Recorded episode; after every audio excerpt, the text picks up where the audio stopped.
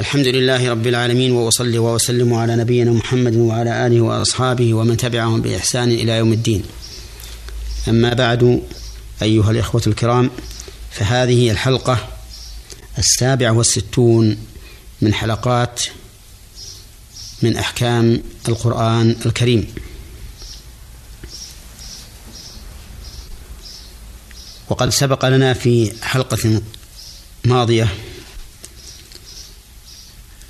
ذكر بعض الفوائد المستنبطة من قصة ذبح البقرة التي أمر بها بنو إسرائيل لتعيين القتيل الذي قتل فيهم. وكنا تكلمنا على قوله تعالى إنها بقرة لا فارض ولا بكر عوان بين ذلك. وانتهينا إلى قوله فافعلوا ما تؤمرون. فمن فوائد قوله تعالى فافعلوا ما تؤمرون أنه يجب على المأمور أن يمتثل ما أمر به على الوجه الذي أمر به لقوله ما تؤمرون وما هذه موصولة تشمل عين المأمور ووصف المأمور وما أمر به شرعا فإن الامتثال لا يحصل فيه إلا إذا فعله الإنسان على وجه ليس فيه زيادة ولا نقص. لأن الزيادة غلو والنقص تفريط. ومن فوائد هذه الآيات الكريمات أن بني إسرائيل عندهم من التهاون والتفريط في تنفيذ أوامر الله ما يتبين من هذه القصة وغيرها. فهم حين طلب منهم أن يفعلوا ما يؤمرون لم يفعلوا بل ازدادوا تعنتا وتشددا. فقالوا دعنا ربك يبين لنا ما لونها إلى آخره. فيستفاد من هذه الآية ادعونا ربك يبين لنا ما هي ما لونها. شدة تعنت بني إسرائيل وتشددهم وإلا فما شأن اللون بالنسبة للغرض المقصود من ذبح هذه البقرة ولكنهم لتشددهم وتمنعهم في تنفيذ أمر الله عز وجل صاروا يسألون عن اللون. ولعل هذا السؤال من حكمة الله تعالى أن يشدد عليهم. فإنهم لما شددوا شدد الله عليهم. ومن فوائد هذه الآية الكريمة أنه أن ما كان جميلا من الحيوان الذي يتقرب به إلى الله فهو أكمل. لقوله فاقع لونها تسر الناظرين. فإن قال إنسان ما شأن هذا أو ما علاقة هذا بما يتقرب به إلى الله؟ فالجواب عن ذلك أن نقول إنه لما كان كان كانت هذه البقرة مما أمر الله به كانت قربة إلى الله لأن موسى عليه الصلاة والسلام أمر قومه أن يذبحوا هذه البقرة فامتثالهم لأمر موسى قربة إلى الله عز وجل. وإن كان وإن كان الغرض من هذا هو الإرشاد فإن فيه شائبة القربة. وقد يقال إنه قربة محضة لأنه يحصل به درء مفسدة وفتنة كادت تقع بين بني إسرائيل لولا أن الله تعالى أبان القتيل بهذه الوسيلة. ومن فوائد هذه الآيات الكريمات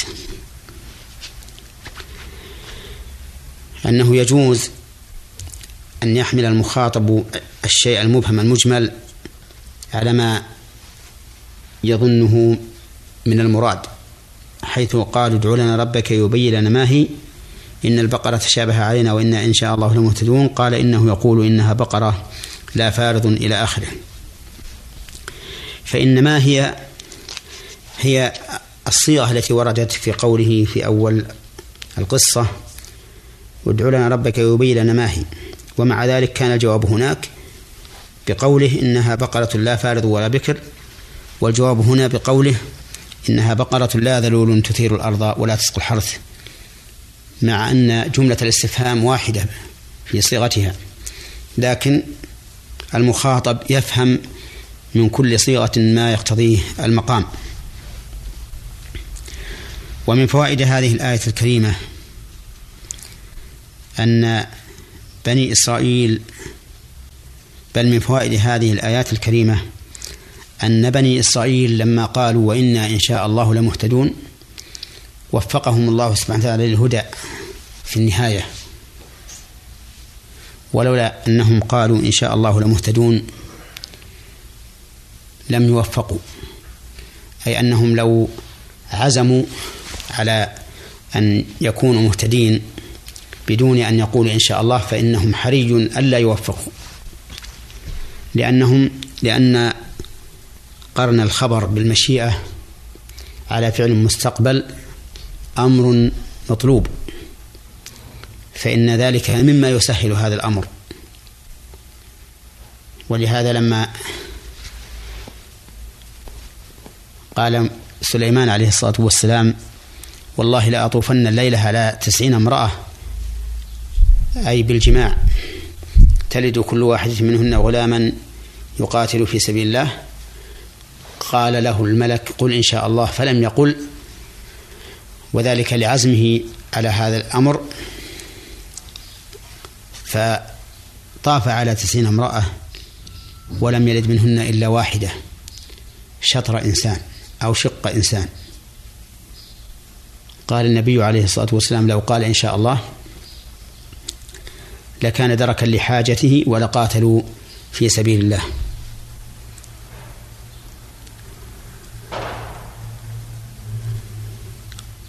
وليس هذا من باب الخبر عن أمر واقع فإن الخبر عن أمر واقع لا يحتاج إلى قول إن شاء الله إلا على سبيل التبرك أو التعليل.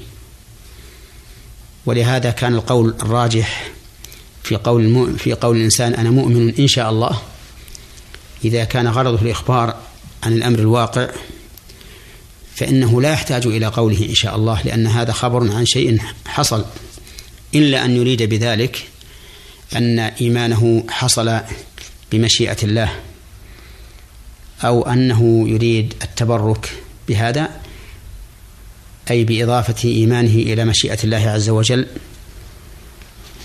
وبراءته من حوله وقوته أي من حول نفسه وقوتها إلى مشيئة الله عز وجل فإن هذا لا بأس به.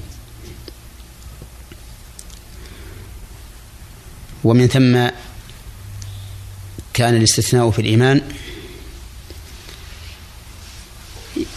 يختلف فإن كان الحامل عليه الشك في وجود الإيمان فهذا حرام ولا يجوز لأن الإنسان يجب أن يؤمن إيمانا جازما لا شك فيه وإن كان الغرض من ذلك التبرك أو بيان أن ما حصل واقع بمشيئة الله فإن هذا لا بأس به. وبهذا التفصيل ينجل الإشكال الذي حصل عند كثير من أهل العلم.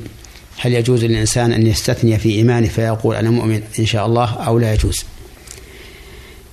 نسأل الله تعالى أن يحقق لنا جميعا إيماننا وأن يجعله إيمانا لا كفر معه ويقينا لا شك معه. وأن يهب لنا منه رحمة. إنه هو الوهاب. وإلى حلقة قادمة إن شاء الله. والسلام عليكم ورحمة الله وبركاته.